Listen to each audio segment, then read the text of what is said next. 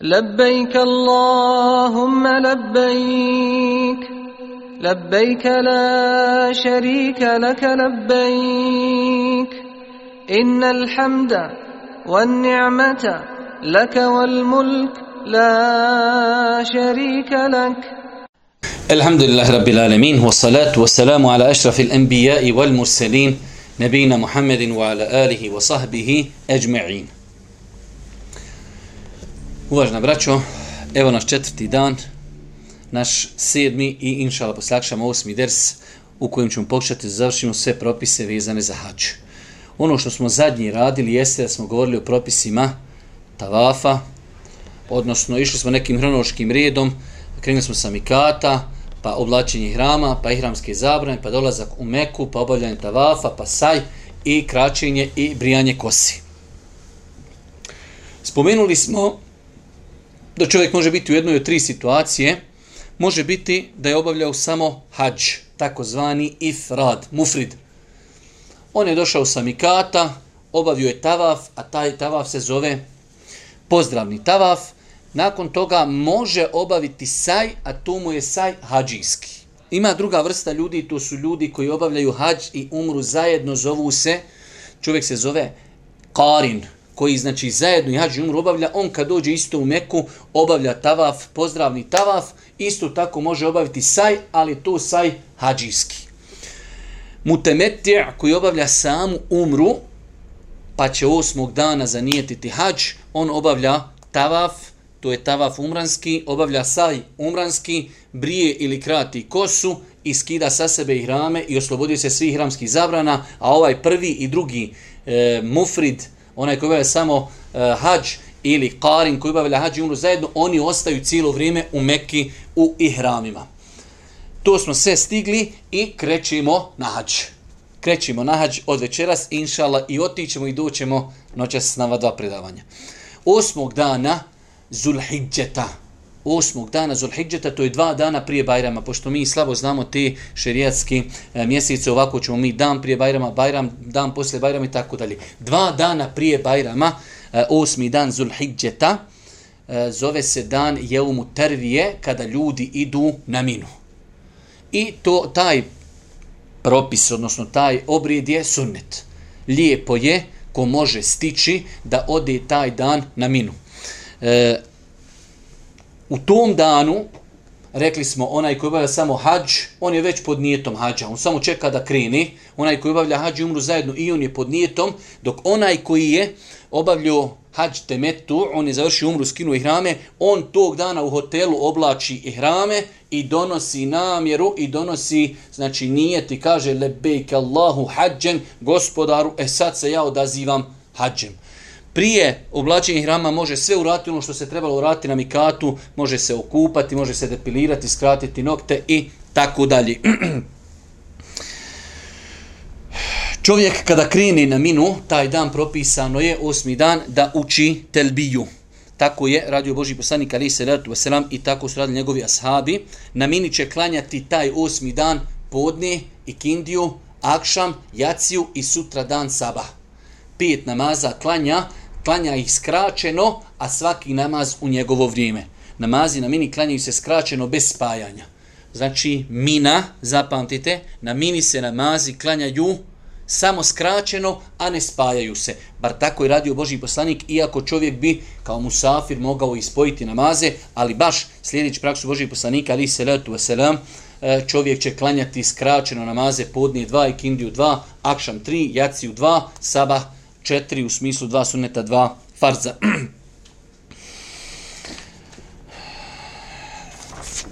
Nakon toga, prije podne namaza, sutra dan, to je deveti dan, to je taj dan Arefata, prije podne namaza čovjek kreće ka Arefatu.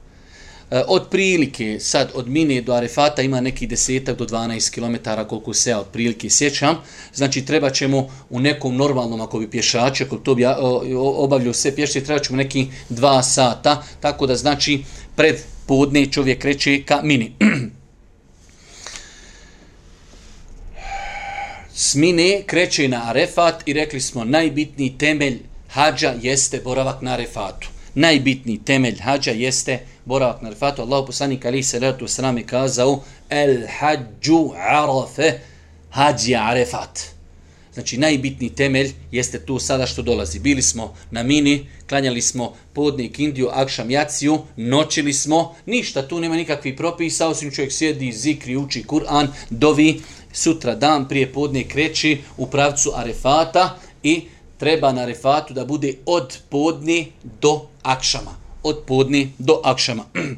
Kada bude išao od mini do Arefata, lijepo je da uči telbiju, jer telbiju će tek sutra prekinuti kada dođe da baca e, kamenčiće na veliko džemre. Znači, telbija se cijelo vrijeme može učiti, može se učiti Kur'an, mogu se učiti dove, može se zikt. Dan Arefata je jedan poseban dan, E, došlo je više odlika u sunetu Božih poslanika, ali se letu wasalam, koji govori o Arefatu. Jedan od tih hadisa jeste da je, kada je Allah poslanik, ali se letu selam govorio o onoj svojoj oprosnoj hudbi, pa je kazao, Allah je svijetim učinio vaše živote i metke i čast, kao što je svijetim učinio ovaj dan. To je dan Arefata, pa je dan Arefata svijet dan kaže Boži poslanik, vaši imeci, vaši životi, vaše su časti svijete, kao što je svijet ovaj dan u ovom gradu, u ovom mjesecu. Pa je svijeta Meka, pa je svijet e, Zulhidže mjesec i svijet je dan Arefat. Pa je to jedan od najboljih dana za kod muslimana. E, također u vjerodostojnom hadisu je došlo ni u jednom danu Allah ne oslobodi više ljudi od vatri kao u danu Arefata. On se približi i pred melekima se ponosi hađima pitajući i kaže šta žele ovi moje hađije. Ali znači, pojenta je da je na danu Arefata najviše uzvišen Allah subhanahu wa ta'ala u toku godine oslobodi svojih robova od vatri.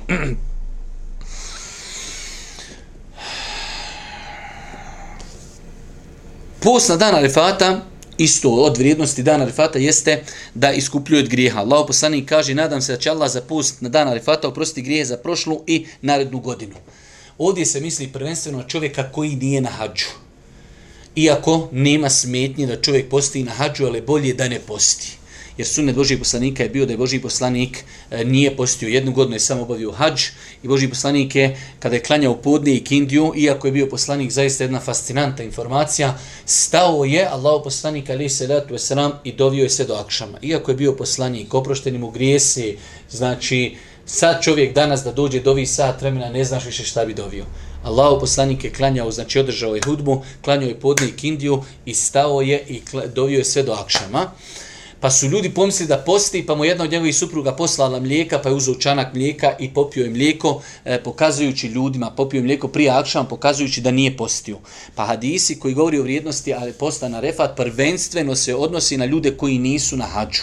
Ljude u Bosni, u Turskoj, Tuzli i tako dalje, u svakom slučaju, ali Ako bi čovjek postio na refatu, nije napravio prekršaj. Ako bi hađija postio na refatu, ali je bolje da ne posti kako bi se taj dan mogao što više posvijetiti ibadetu, jer definitivno, pogotovo dole, vidjet ćemo poslije od sunnete, da čovjek čak bude i na suncu. Znači vi dole imate šatore, ali ko može izdržat od sunneta je baš i preporučen da bude na suncu. I cijeli dan od podnije do, do akšama stajati na suncu i postiti, to je znači sigurno naporno, tako da bolje je da taj dan čovjek, da taj dan čovjek ne posti. Dobro. Propis boravka na refatu. Mi smo rekli dola, eh, taj osmi dan tervije, boravak na min je sunnet. Što znači kad bi sutra, devetog dana uh, Zulhidžeta, dana refata, čovjek iz Mekke pravo otišao na refat, inšala vizna njegov hađ je ispravan, ali ovo je sunnet i mi govorimo u najmanju sitnicu kako se ponašao Allah poslanik ali se letu veselam. Kada je u pitanju propis boravka na refatu, islamski su učenjaci jednoglasno mišljeni da je boravak na refatu elementarni dio hađa. Znači čovjek koji nije bio na refatu ne može to nadomjestiti nikako. I znači velik broj učenjaka navodi konsenzus po tom pitanju da je boravak na refatu uh, e, rukn. E sad ćemo vidjeti koliko minimalno treba biti čovjek pa da bi se to taj njegov rukn ispunio. E, vrijeme boravka na refatu, boravak na refatu počinje sa nastupanjem podne, podnevskog vremena. Znači, e, čovjek, rekli smo, smine kreće negdje pred podne i trebao bi otprilike da dođe na podne. Ovo je neka idealna verzija sada je dole na hađu bude po 3-4 miliona ljudi, nekada će čovjek doći prije malo, nekada će doći poslije, nekada gužva, nekada autobusi, nekada neće moći, ali mi govorimo o nekoj idealnoj verziji. Svakako, e, bilo koje e, obavljanje hađa u masi od 4 milijuna ljudi, zato smo i govorili i juče i danas ćemo neke stvari govoriti, da je čovjek spreman da nekada neke sunnete ne može ispuniti. Jednostavno jer je nemoguće. Znači 4 milijuna ljudi treba da dođu danas na jedno mjesto i radi određen ibadet. Tako da, ali mi govorimo neku idealnu verziju, kako je to radio Boži poslanik, znači e, vrijeme, boravak na arefatu počinje od podne namaza. Vidjet ćemo poslije da e, nakon što nastupi podne namaz drži se hudba, nakon toga se uči ezan, nakon toga se uči i kamet, klanja se podni, skrati se, e, uči se i kamet, klanja se i kindija i od tada do akšama vrijeme dovije, vrijeme zikra, vrijeme znači učenje telbije. Ako bi hađija bio u jutarnjim satima tog devetog dana Zulhidžeta prije podne na refatu i odi kući, njegov hađ nije ispravan. Po velikom dijelu islamskih učenjaka znači vrijeme arefata počinje od podne namaz. Kad bi čovjek klanio podni, bio na arefatu 10 minuta i otišao, njegov hađ je ispravan. Ima grešku, ali njegov hađ je, ali njegov hađ je ispravan. E, većina islamskih učenjaka smatra da boraviti od podne do akšama je vađib. Znači, boraviti makar dio, to je rukn. A boraviti od podne do akšama, to je vađib. Što znači, ako bi neko otišao prije akšama, mora se iskupiti klanjem kurbana. Znači, čovjek koji dolazi od podne do akšama treba da provede i to je znači tako i radio Allah poslanik alaihi salatu wasalam. Pokušajte me pratiti, malo će danas biti, hajde da kažemo, pitanja koja su, trebaju da, da se malo popratimo. Od podne do akšama je vađib stajati. Ako bi ošli prije akšama, prije akšama moramo zaklati kurban. Dok nakon akšama, kada zađe sunce, kada bi došli samo na 10 minuta na refat i, i iz opravdanog nekog razloga, naš, naš, naše stajanje bi, ako Bog da, bilo ispravno.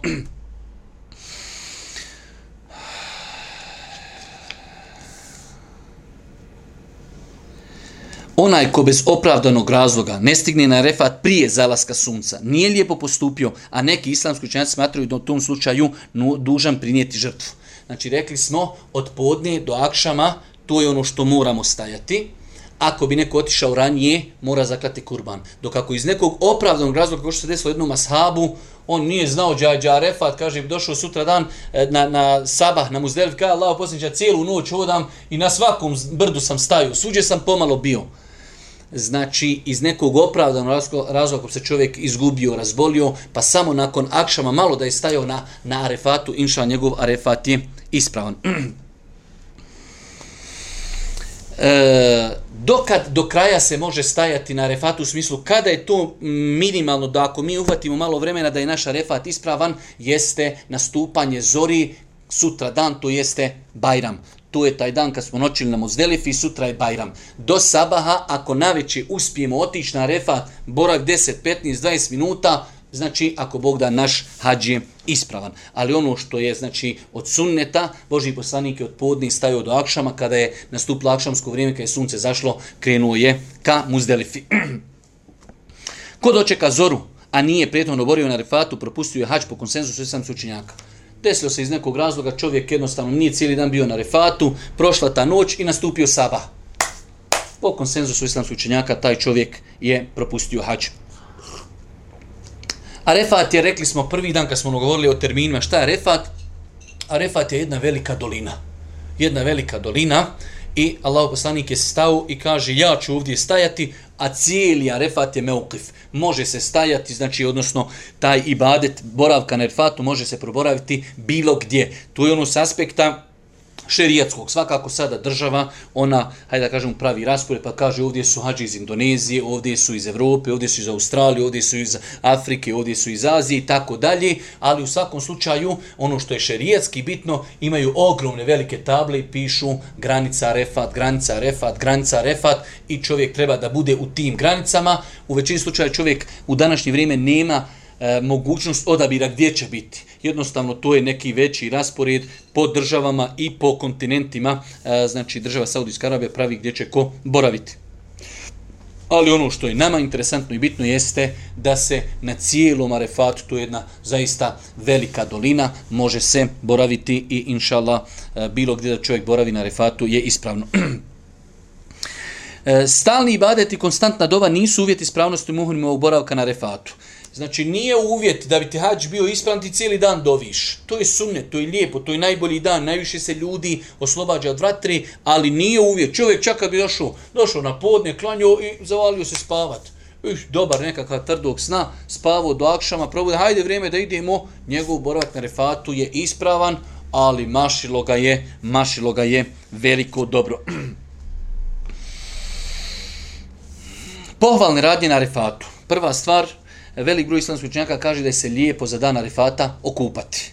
Velik broj učenjaka kaže da je se lijepo okupati za dan Arifata, iako u sunetu Božijeg poslanika ne postoji, ne postoji dokaz za to, ali generalno gledajući znate da e, za džumu, za bajram, islamski učenjaci preporučuju da gdje god ima veliko okupljanje ljudi, da se ljudi okupaju, jer kada imate sada 3-4 miliona ljudi na jednom mjestu i ljudi su u šatorima, ako ljudi nisu okupani, može to biti razlogom da neko nekome smeta, tako da e, nema smetnje da se čovjek okupa iz nekog, nazovimo ga čak, e, dunjalučkog higijenskog razloga, jednostavno kada bi došlo toliko ljudi i ako velik broj njih nije se kupo, znači moglo bi zaista da to bude i problem.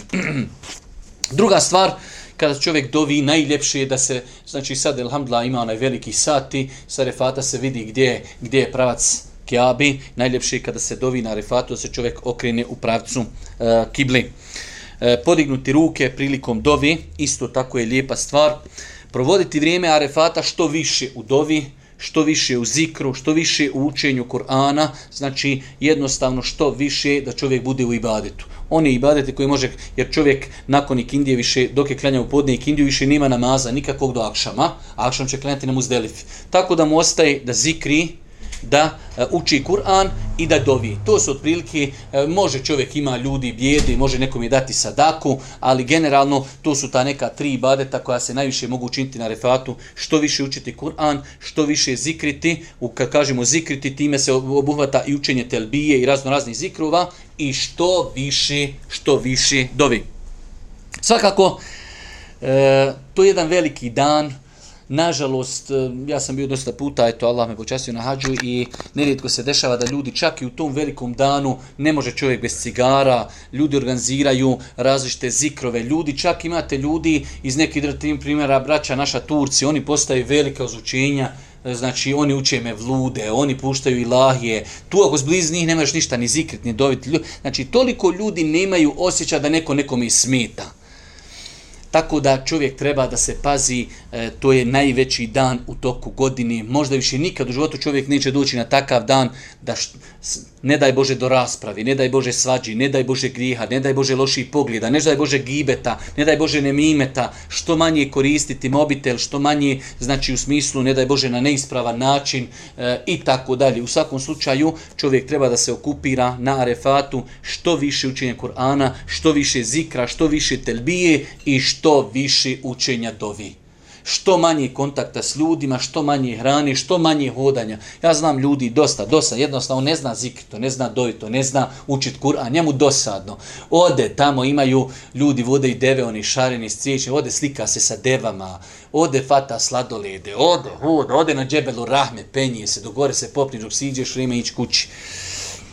Ljudi u dosta slučajeva nisu svjesni nijemeta, blagodati da milioni ljudi u jednoj Indoneziji, Maleziji, e, desetine miliona ljudi maštaju da dođe na taj arefat i ti iz Bosne, pošto alhamdulillah kod nas nema nekog ograničenja, dođeš i dole sjediš, duhaniš, zezaš se, slušaš muziku, e, hodaš, slikaš se s devama, jednostavno ljudi, ljudi nesvjesni vrijednosti mjesta, vremena i prostora gdje se nalazi.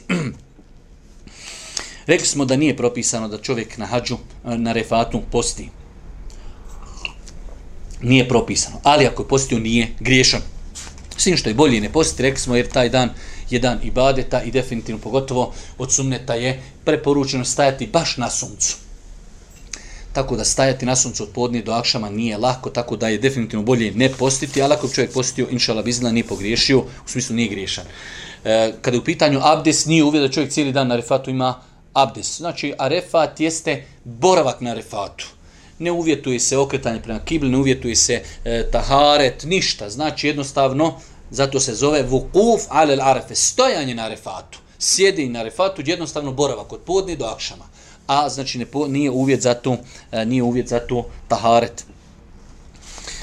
Velik broj ljudi misli da je posebno nešto, znate ono brdo na dio Arefata je ono brdo koji se zove kao brdo milosti Džebelor Rahme. Pa tu se ljudi načičkaju kao, kao znači tu ne možeš, tu ne možeš baciti iglu da ne bi pala na nekoga. E, nima potrebe da se ljudi penju gore.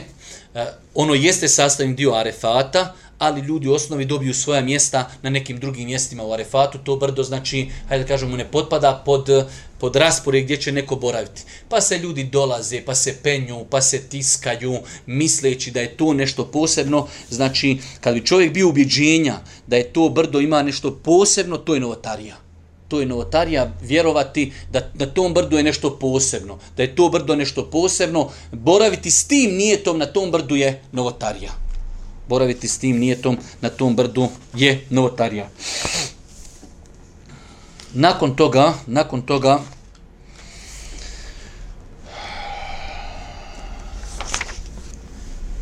rekli smo da je zabilježeno da nima eh, od praksi ashaba da nima smeti da u toku dana arefata čovjek što više uči telbiju, što uči više zikrova, što više dovi sjećaj na Allaha, što više dovi.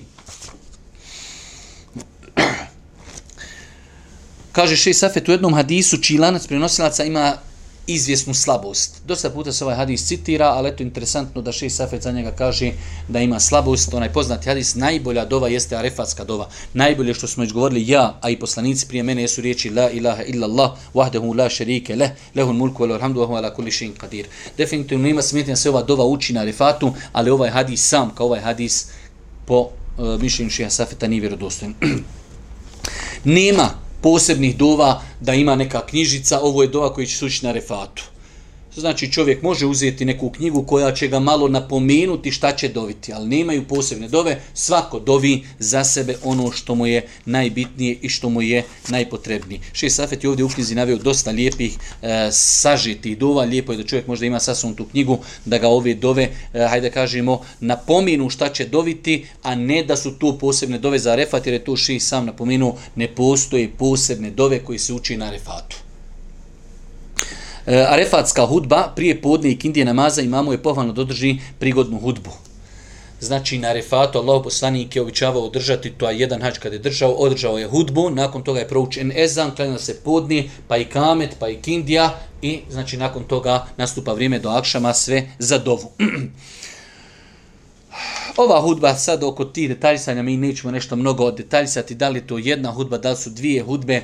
E, čak ima jedno interesantno pitanje, pošto gore na Refatu ima jedna velika džamija, jedna velika džamija i u njoj se održava ta refatska hudba. Čak ima učinjaka koji kažu ta hudba je dovoljna za cijeli Arefat, svi ostali ako mogu slušati preko radija ili preko TV-a tu hudbu, slušat će u protivnom klaniče podne i kindiju i to je to. Dok praksa je da većinom svaka država uh, ili svaka organizacija koja dovedi ljude na hađ održi neko kraće predavanje, neku kraću hudbu. Ali znači ne trebamo se time nešto mnogo zamarati, u većini slučajeva to preuzima na sebe neko ko organizira hađ. Ono što je nama interesantno jeste kada nastupi podni namaz, e, drži se hudba, prouči se ezan, e, prouči se nakon toga i kamet, klanja se podni dva rekiata, onda nakon toga se predaje selam, uči se i kamet, e, klanja se i kindja dva rekiata, predaje se selam i više od obreda nema ništa na refatu sve do zalaska sunca.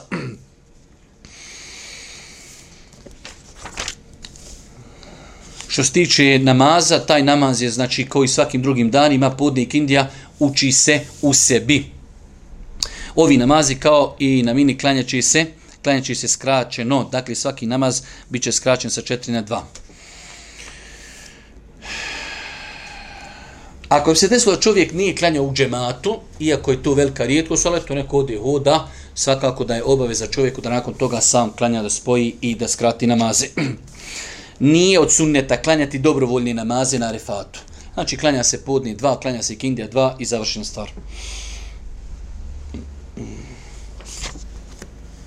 Nakon zalaska sunca desetog dana Zulhidžeta u oči Bajrama Hadžiće smireno i spokojno krenuti ka Muzdelifi. Znači Arefat je završen. Od podnije smo proboravili do Akšama. Čekamo zalazak sunca. Onog momenta kada zađe sunce, nastupi Akšamsko vrijeme, policija otvara puteve i hađije kreću ka Muzdelifi.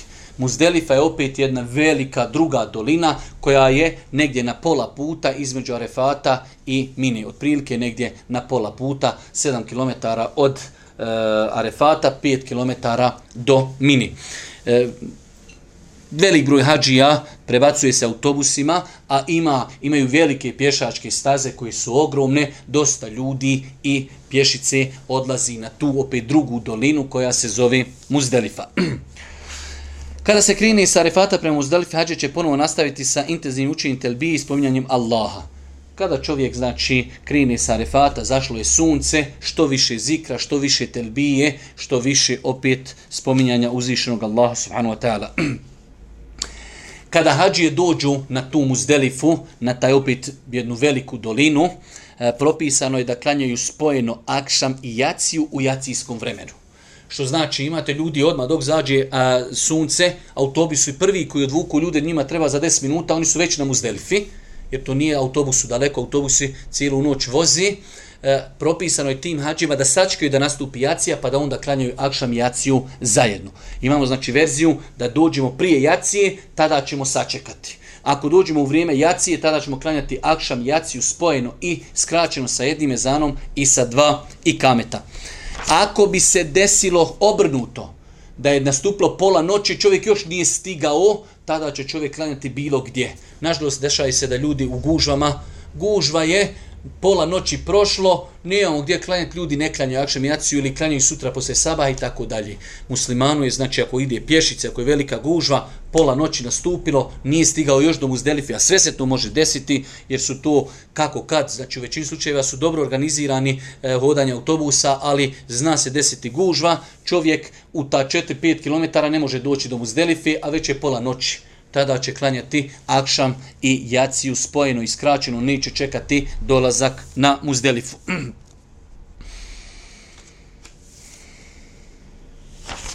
Pa čak ne da je Bože u nekoj verziji imate neka slučajeva gdje čovjek zaglavi u autobusima.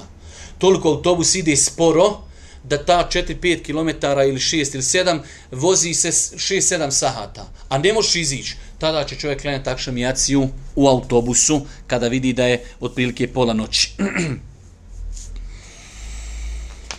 Nakon toga, sam propis boravka na Muzdelifi. Mi smo rekli da je boravak na Arefatu temelj. Mora se boraviti i ne može se nikako nadoknati. E, propis boravka na Muzdelifi. Boravka na Muzdelifi je vađib. Obaveza po mišljenju većine islamskih učenjaka. Hodočasnik koji izostavi boravak na Muzdelifi dužan je iskupiti se klanjem žrtvi. Znači većina islamskih učenjaka smatra da taj boravak, iako ćemo govoriti sad da se razilaži koliko treba boraviti, ali sam boravak na toj Muzdelifi je vađib. Što znači, kad bi čovjek otišao nekim drugim putem u hotel i zaobiđe Muzdelifu, a, taj čovjek je obavezan da zakolje kurban, zato što je po većini islamskih učenjaka a, boravak na Muzdelifi vađib.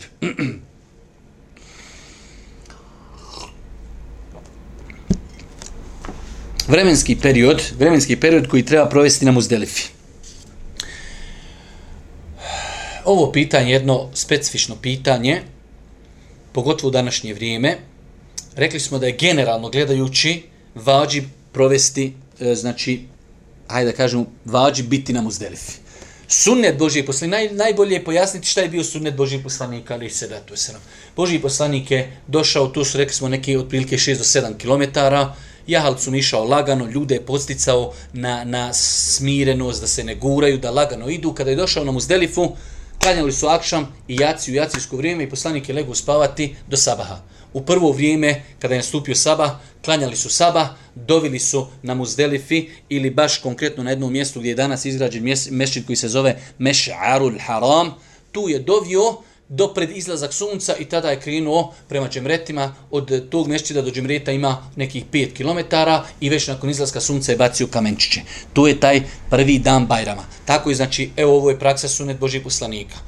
bio je na Refatu od podnije do, do Akšama, s Akšama je lagano devom svojom krenuo ka Muzdelifi, kada je došao na Muzdelifu, već je bila nastupila Jacija, spojio je Akšam sa Jacijom, sa jednim ezanom, sa dva i kameta i legao spavat. Spavao je do sabaha, nije nika, tu noć nije nešto posebno ibadetio. Kada je nastupio sabah, klanjao je sabah, Allahu poslanik ali se letu selam, krenuo ka, ka džemretu velikom, ka džemretima, i na tom jednom mjestu kod tog takozvanog meš'aril harama, kod e, džamije, tu je stao i dovio je i prije izlaska sunca krenuo je dalje. Velik broj učenjaka kaže da je Muzdelifa kompletna taj meš'aril haram i svako gdje tu zanoći može da dovi i prije izlaska sunca da krini. To je po sunnetu. To je nešto najbolje. To je, znači, najispravnije. E sada, ima dio eh, odnosno za vrijeme Božih poslanika, ali se letu esram je nekim ljudima, starim iznemoglim e, ženama je dozvolio da krenu ranije, da ih ne zatekni ta velika gužva. Za vrijeme Božih poslanika, ne znam tačno, ali mislim oko možda 100.000 ljudi je bilo na hađu. Ipak je u to vrijeme sa tjesnim putevima, to je bila gužva, pa je Božji poslanik nakon pola noći ženama koji su bile malo iznemogle i starije i deblje, koji se teže kreću, kreću on je njima rekao, hajte vi ranije. Samim tim, znači to njegovo dozvoljavanje da idu malo ranije ukazuje da ne mora insan proborati cijelu noć.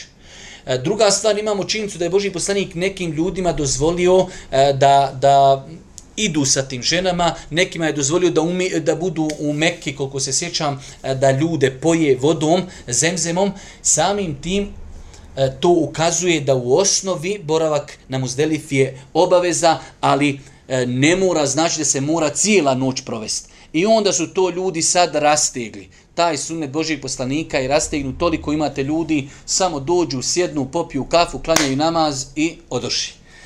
Tako da moj stav je, ono, moj stav, ko sam ja da imam stav, ali najbolje čovjeku se nigdje ne žuri, ne hiti, e, osim u slučaju da zaista bude u pratnji neki osoba koji su iznemogle, da ostane tu. To je jedan, znači na refatu imaju šatori, na muzdelifi nema ništa imaju samo jednostavno veliki boksov ograđeni žicom da ljudi ne bi izlazi na cestu, ne da Bože da ne udari autobus, jer autobusi cijelo vrijeme kruži i hodaju, to je zemlja. Tu noć, tu dolje, to je znalo, mi smo nekad neki 97. 8. 2000. Te, tu se smo se znali smrznit, a smrznit se gori nešto smo se na Vlašiću smrznit. Znači, kada je nekad hač bio u tom nekom periodu zime, vjetrov, jednostavno, nema ništa. Zemlja. Ljudi se po, poredaju na početku kako dolazi autobus i ostavljaju ljude i ljudi, ljudi svako sebi zauzma neko mjesto. Onda poslije se ljudi toliko stiskaju da više ne može, nema ni stazica. Na kraju ostanu stazice do Abdestane koji su široke pola metra, na kraju ljudi popuni te stazice. Sutra ustaniš na sabah, ne možeš otići do Abdestane. Toliko se, toliko se napuni ljudi. E, tako da, e, ovo je sunnet, i najbolje je najbolje da čovjek postupi po sunnetu Božih poslanika alihi salatu wasalam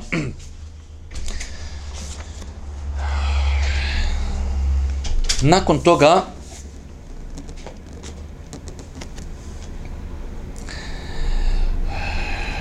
ako bi se desilo da zbog velike gužve hađija je krinu sa refata na vrijeme, ali velika gužva i jednostavno cijelu noć čovjek putuje i ne dođe do muzdelife, a sunce već izlazi jer je boravak na muzdelifi do izlaska sunca, takav čovjek inšala nije griješan.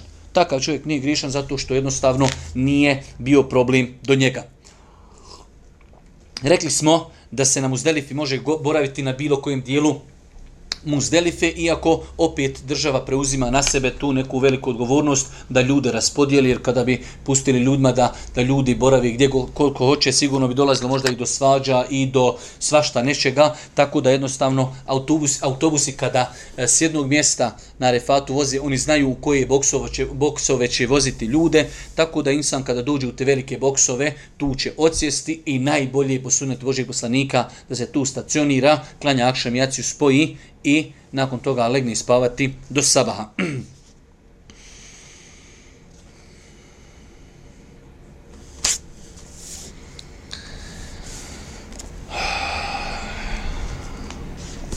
Kada je u pitanju spavanje tu, dosta puta ljudi imaju uh, nejasnoće jer su ljudi još u ihramima. Svi su onaj koji obavlja, koji obavlja umru, e, temetu i on je obukao ihrami i još je u ihramima.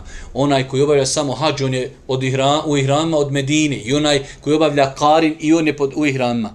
E, ljudi onda imaju problem da li smije da li smije se pokriti dekom, da li smije biti u šatoru, e, da li smije pokriti noge i tako dalje. Nema smetnje, znači pogotovo ako je hladno, a bez toga bilo hladno ili ne bilo, da čovjek na Muzdelif ima svoj neki mali šator, da prostri sebi spužvu, e, da, da se pokrije dekom, da pokrije noge, znači bitno je samo da ne pokriva glavu. Mimo toga može se pokriti dekom, može imati neki mali šator, može se pokriti i hramima, u svakom slučaju sve su te stvari, ako Bog da, dozvoljene.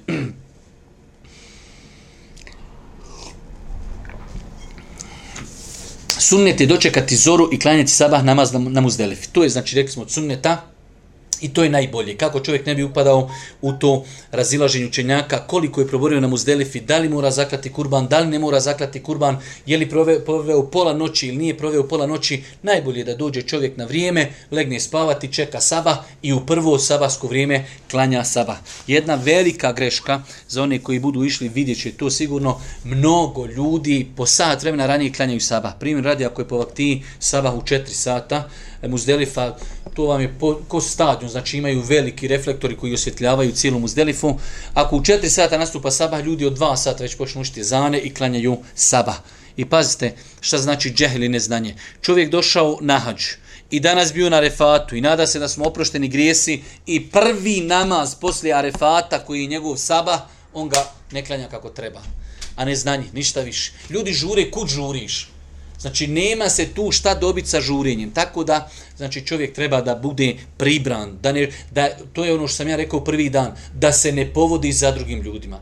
Naša braća Turci, znači, uh, oni su ovako poprilično, poprilično nezgodni, poprilično ne gledaju ni u koga. Misle da su pokupili pamet cijelog svijeta. Misle da sve znaju. Znači, vaktija, vaktija kaže u 4 sata saba, oni u 3 sata. Stotine. Allah, ekber, ezan, klanjaju, klanjaju saba, odoši ja sam jedni, jednom spavu pored puta, nek, pored nekog puta, pored mene naišli gore nekom, po nekoj ivici, oborili kamen, na mene se kamenje srušili, danas dan ovdje imam razbijenu glavu, a niko ne gleda u mene, ozgur se elektrona kamenje dole na mene, razbilo mi glavu, znači teče krv, ništa, oni, ko da se ništa desilo nije.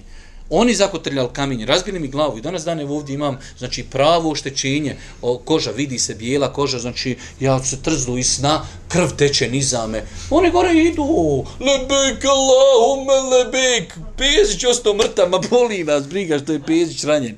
Znači zaista džehli neznanje ubihađe. Ljudi po sat, sat i po vremena ranije klanjaju. Ljudi po sat i sat i po vremena i više klanjaju, uče ezan, sabah i odoši. Pa čovjek, rekli smo, ne smije se, ne smije se povoditi za drugim ljudima.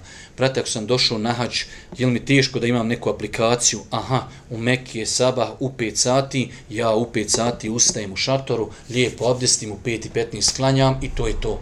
Ma, hiljade ljudi klanja, ne interesuje me. Ja sam znao ljudima, znači, dođeš, pokušaješ im, jednostavno, bolite te ljudi, vaktija, sa, još sat vremena, jok, jok, Allahu ekber, samo klanjati, samo ići.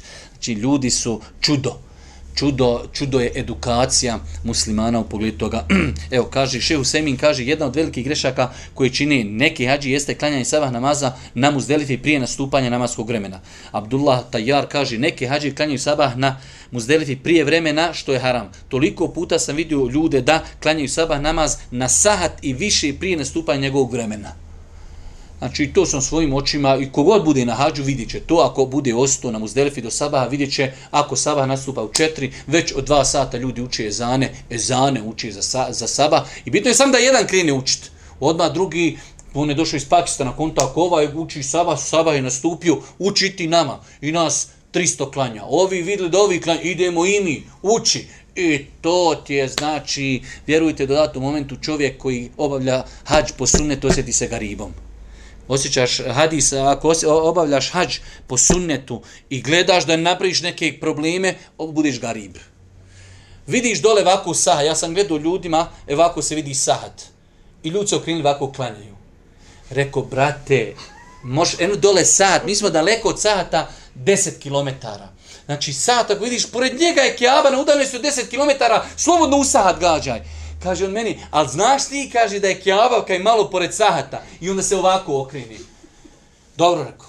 Allahom se kojim, znači dođeš čovjek, kažeš, vidiš li, brate, dole sad, toliko on daleko, Kjaba je uz njega odmah na toliko udaljenosti. Kažeš ti, vidiš li dole sad? Kaže, vidim.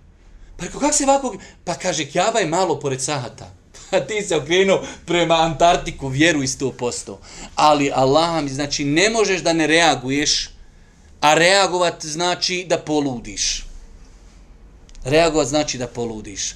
Tako da, vjerujte, ono, hadisi, ono, kad se kaže, vratit će se kao na dan kad ga je rodila majka, onaj ko ne bude griješi, onaj ko ne bude e, se svađao s ljudima, veoma, nije lako obaviti hađ da kažeš, kući dođeš, nadam se da mi hađ primljen.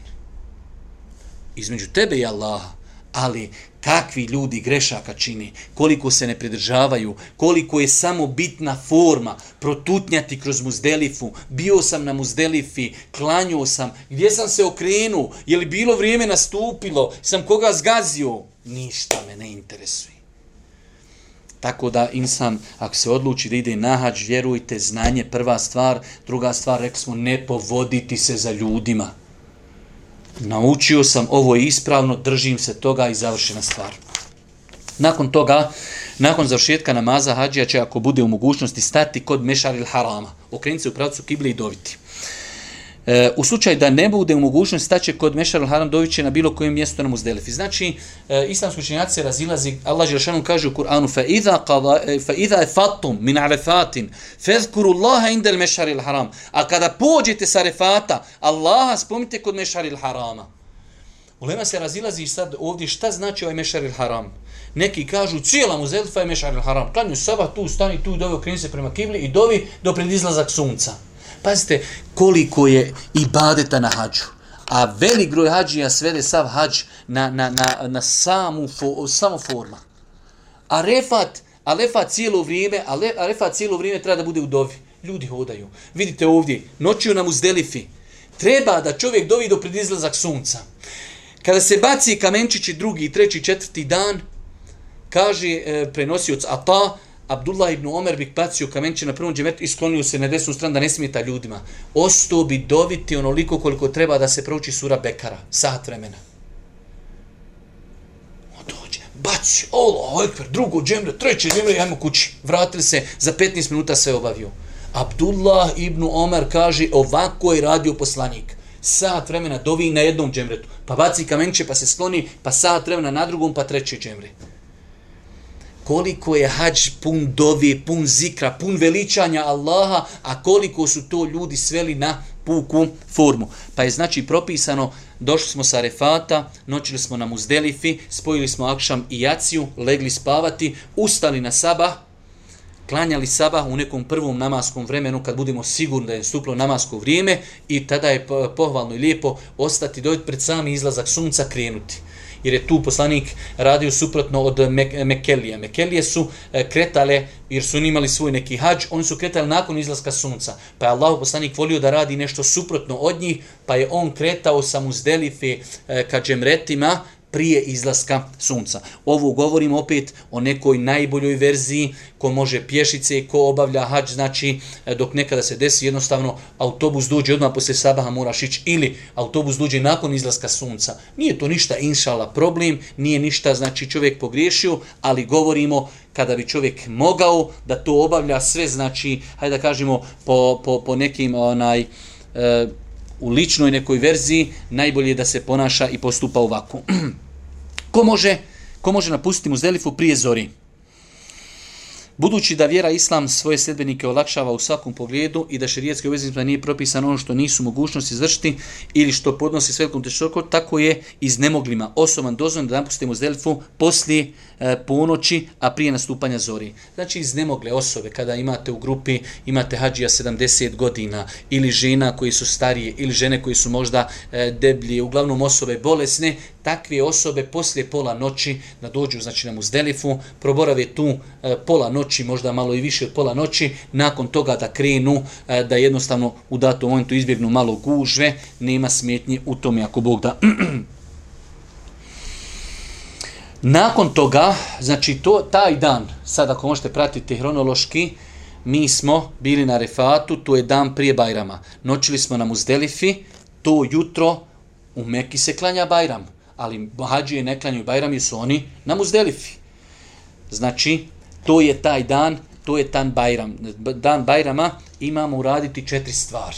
Na dan Bajrama čovjek je noćio na Muzdelifi, učio je dovu do, do predizlazak sunca, krenuo je neki 4 km ima da dođe do džemreta.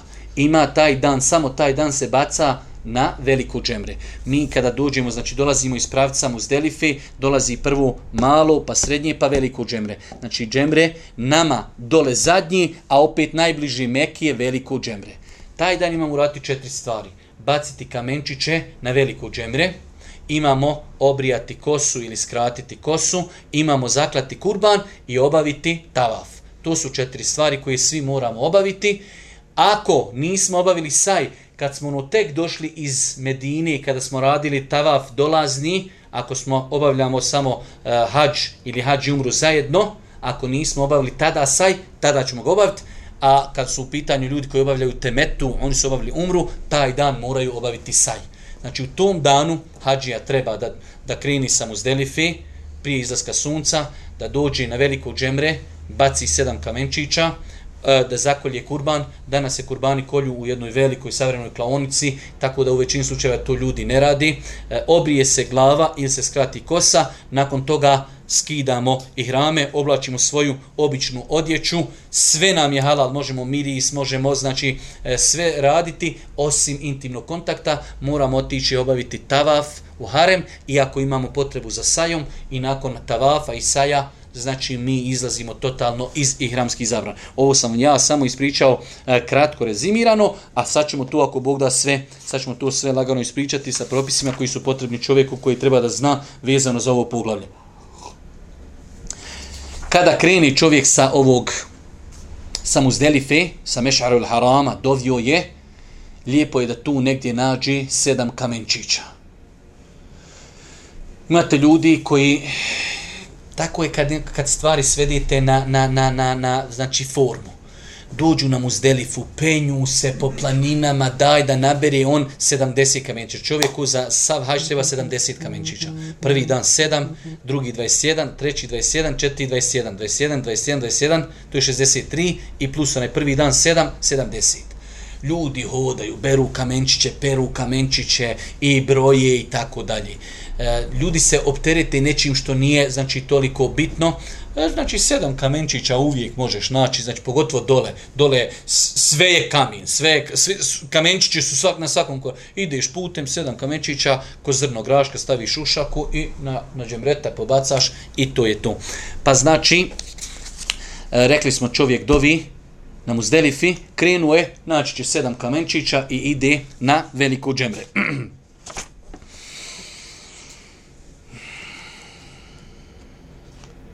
Hadžija kreće sa Muzdelifi nakon svanuća. Kada se dobro razdani i prije izlaska sunca, on će napustiti Muzdelifu. Rekli smo da je to sunet Božih poslanika, ali i se letu se vam. Pohvalno je učiti terpiju na putu ka mini. Džemreta se nalazi sastavni dio, znači čošak mini su e, džemreta. E, čovjek sa Muzdelife kada krene lijepo je da uči telbiju, da zikri, da spominje uzvišnog Allaha subhanahu wa ta'ala. E, dolazak na džemreta. U jutarnjem vremenu na dan Bajrama hađija dolazi do džemreta, odnosno mjesta gdje se bacaju kamenčići. Tog dana na Bajram, e, znači na Bajramu se baca samo jedno džemre. Iako vidjet ćete, znači prvi dan dođeš već i na ovom malom i srednjem, već ljudi bacaju, prvi dan jednostavno toliko je neznanja, toliko je džehla, toliko čovjek može vidjeti neznanja u kod muslimana kada u pitanju e, obavljanje hađa. Prvi dan, dan Bajrama, rekli smo, treba urati četiri stvari. Prva od tih stvari jeste bacanje kamenčića na veliku džemre. Jedno džemre, sedam kamenčića. Odlike i vrijednost bacanja kamenčića. Ibn Abbas prenosi da Allah poslanik rekao kamenčić koji si bacio bit će ti svjetlo na sudnjim danu znači svaki kamenčić koji je čovjek bacio na hađu, inša Allah, bizna, bit će mu e, svjetlo na sudnjem danu. U drugom hadisu se kaže, kada čovjek baci kamenčiće, niko ne zna kakva mu nagrada pripada sve dok je ne dobije na sudnjem danu. Znači, niko ne zna koliko je to velika i dobra nagrada, osim onog momenta kada čovjek dođe na sudnji dan i pogleda tu svoju nagradu. Mudrost bacanja kamenčića, velik broj ljudi dođe i ja sam to gledao svojim očima, ljudi su, ja sam gledao ljude, znači vatra im iz očiju izbija. E, kad sad je došlo mojih pet minuta, šetan je svezan za džemre, kamenja, kamenja je nakupio pun džep i odre. Znači, je preneseno u vjerodostojnim predajama, inšal da Ibrahim alaih salatu je sram na tom mjestu gađao šeitana. Ok, to je se desilo kao što se desilo, kao što se desilo događaj eh, Hadžere, ha, da je ona trčala između Safe i Mervi. Tako je nastao taj ibadet, ali mi danas kada trčimo, nema više hađere, nema više zemzema, isto to što se desilo da je tu Ibrahim gađao šeitana, nema danas više šeitana. Mi to radimo jer je to radio Boži poslanik i mi to radimo kao pokornost, slijedjenje Božih poslanika, pokornost Allahu Đelšanu. Nikakvo gađanje šeitana. Mi to radimo ko što u namazu dižemo ruke, klanjamo podni četiri rekata, klanjamo akšam tri, jedan dan bacamo e, na jedno džemre, sutra bacamo na tri, zato što je radio Boži poslanik, ali se letu nam, a nikakvo gađanje šetana i nikakvo ispoljavanje neke ljutnje i tako dalje. Tako da e, čovjek treba da zna, znači bacanje kamenčića je pokornost, Allahu subhanahu wa ta'ala, sliđenje sunneta Boži poslanika, alihi letu wasalam. Nekoliko ako Bog da propisa vezani za kamenčiće i, i ako stignemo i time ćemo ako Bog da i završiti. Prva stvar, rekli smo prvi dan se baca, pruđi se pored dva džemreta malu, srednji, moraš prući pored njih, dolaziš do velikog džemreta i danas su, alhamdulillah, džemreta zaista nešto ogromno, veliko, jedno ogromno zdanje.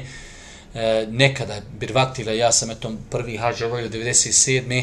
Taj dan, kada se baca samo na veliko džemre, to je bilo mnogo manje džemre, znači to su bile, znači zaista, zaista su ljudi tada umirali jer je bio problem jednostavno svi ljudi dolaze iz svih pravaca na džemre i hajde kad se čovjek probije, onda kada hoćeš izići, jedni ljudi hoće da iziđu, a drugi hoće da uđu da baci.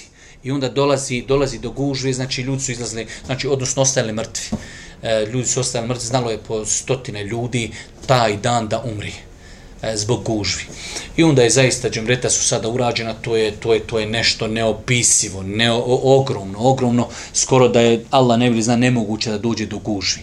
U sve to postoje velike mjere opreza, mnogo, mnogo redara, hiljede i hiljede policajaca, redara koji regulišu kretanje hađija, tako da prvi dan se baca samo na veliko džemre i baca se samo sedam kamenčića. To je prvi propis. Druga stvar, uvjet ispravnosti bacanja kamenčića, bacati kamenčiće zasebno, sedam puta po jedan kamenčić. Znači ne može čovjek doći sedam kamenčića, uzeti, baciti odvaku. Ne. Znači čovjek uzme jedan kamenčić desnom rukom, Allahu ekber. Drugi kamenčić baci Allahu ekber. Svaki kamenčić se baca zasebno. Druga stvar, treba baciti sedam.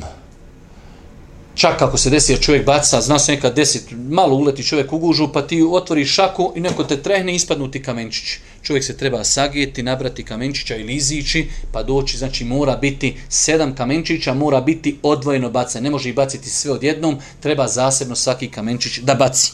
Isto tako, rekli smo, nije ispravno doći i u korto ispust, znači imate velika korta, imaju velika džemreta nije uvjet da kamenčić mora pogoditi džemre, ali je uvjet da padne u to jedno veliko korito. Ako bi bili sumnjali da li je naš najbolje doći, ako čovjek može doći na slonice tijelom na korito i onda lagano pobacati. Ako iz daljine bacamo, neka čovjek sumnja, pošto su malehni kamenčići, da li je uletio u korito ili nije.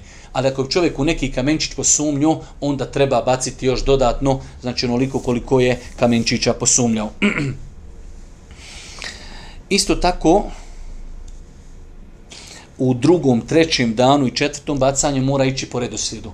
A tako je to i napravljeno da se skoro pa i nemoguće pogriješiti. Baca se znači malo, pa srednje, pa veliko. Prvi dan se baca zadnji džemre veliko i ono je na samom kraju, me, e, na samom kraju mini. Da bi bacanje kamenča bilo validno, treba da bude u određenom vremenu. Pa ćemo vidjeti, za svaki dan imaju određene vremene kada se džemreta bacaju. Rekli smo, i to je veoma bitno, nemo, imamo veliki zid koji je kao simbolika džemreta, ne moramo mi biti sigurni da smo svakim kamenčom pogodili u džemre. Ulema je rekla da je dovoljno da naš kamen padne ono korito, jer na kraj krajeva poslije dole korito je e, kao jedan lijevak, opet svi kamenčići dole udaraju u džemre. Pohvalne radnje prilikom bacanja kamenčića, prekinuti učenje telbije neposredno prije bacanja prvog kamenčića. Znači, rekli smo čovjek je noćio na muzdelifi, klanjao je saba, dovio je pred izlazak sunca i krenuo i uči telbiju do velikog džemreta. Kada dođe do velikog džemreta, prestaje učenje telbije i počinje bacanje kamenčića. Isto tako, prvi dan, samo prvi dan kad se baca, lijepo je ko može da dođe, e ovako je taj veliki most na kojem su džemreta, ispred je dole e, Mekka, nama iza leđa je, nama iza leđa je mina. Lijepo je da čovjek pruđi, ajde kao kad bi rekli da je ovo džemre, da pruđi sa ovi, e, znači, e, sada lijeve strani, tako da stane da baca džemre, da mu s desne strane bude mina, a s lijeve da bude meka. To je nešto lijepo i tako je bacao Boži poslanik, ali s koje god strane, nekad birvaktile, dok ljudi nisu znali, e, kad su najveće gužve, najbolje bilo obiđeš i dođeš ozdo s druge strane džemreta, gore su ljudi znali, znači, toliko gužva da ljudi umiru, a s dolje strane dođeš, nema nikoga, lagano pobacaš, tako da može se bacati sa bilo koje strani. E, lijepo je i pohvalno je prilikom svakog bacanja čovjek kaže Allahu ekber kamenčić pa Allahu ekber kamenčić pa Allahu ekber e, kamenčići trebaju da budu malehni od prilike kao jedan nokat, kao zrno graška, kao zrno, e, kao lješnjak, od prilike toliki kamenčić trebaju da bude, a čovjek može vidjeti, čovjek može vidjeti na hađu svašta drugo. mm.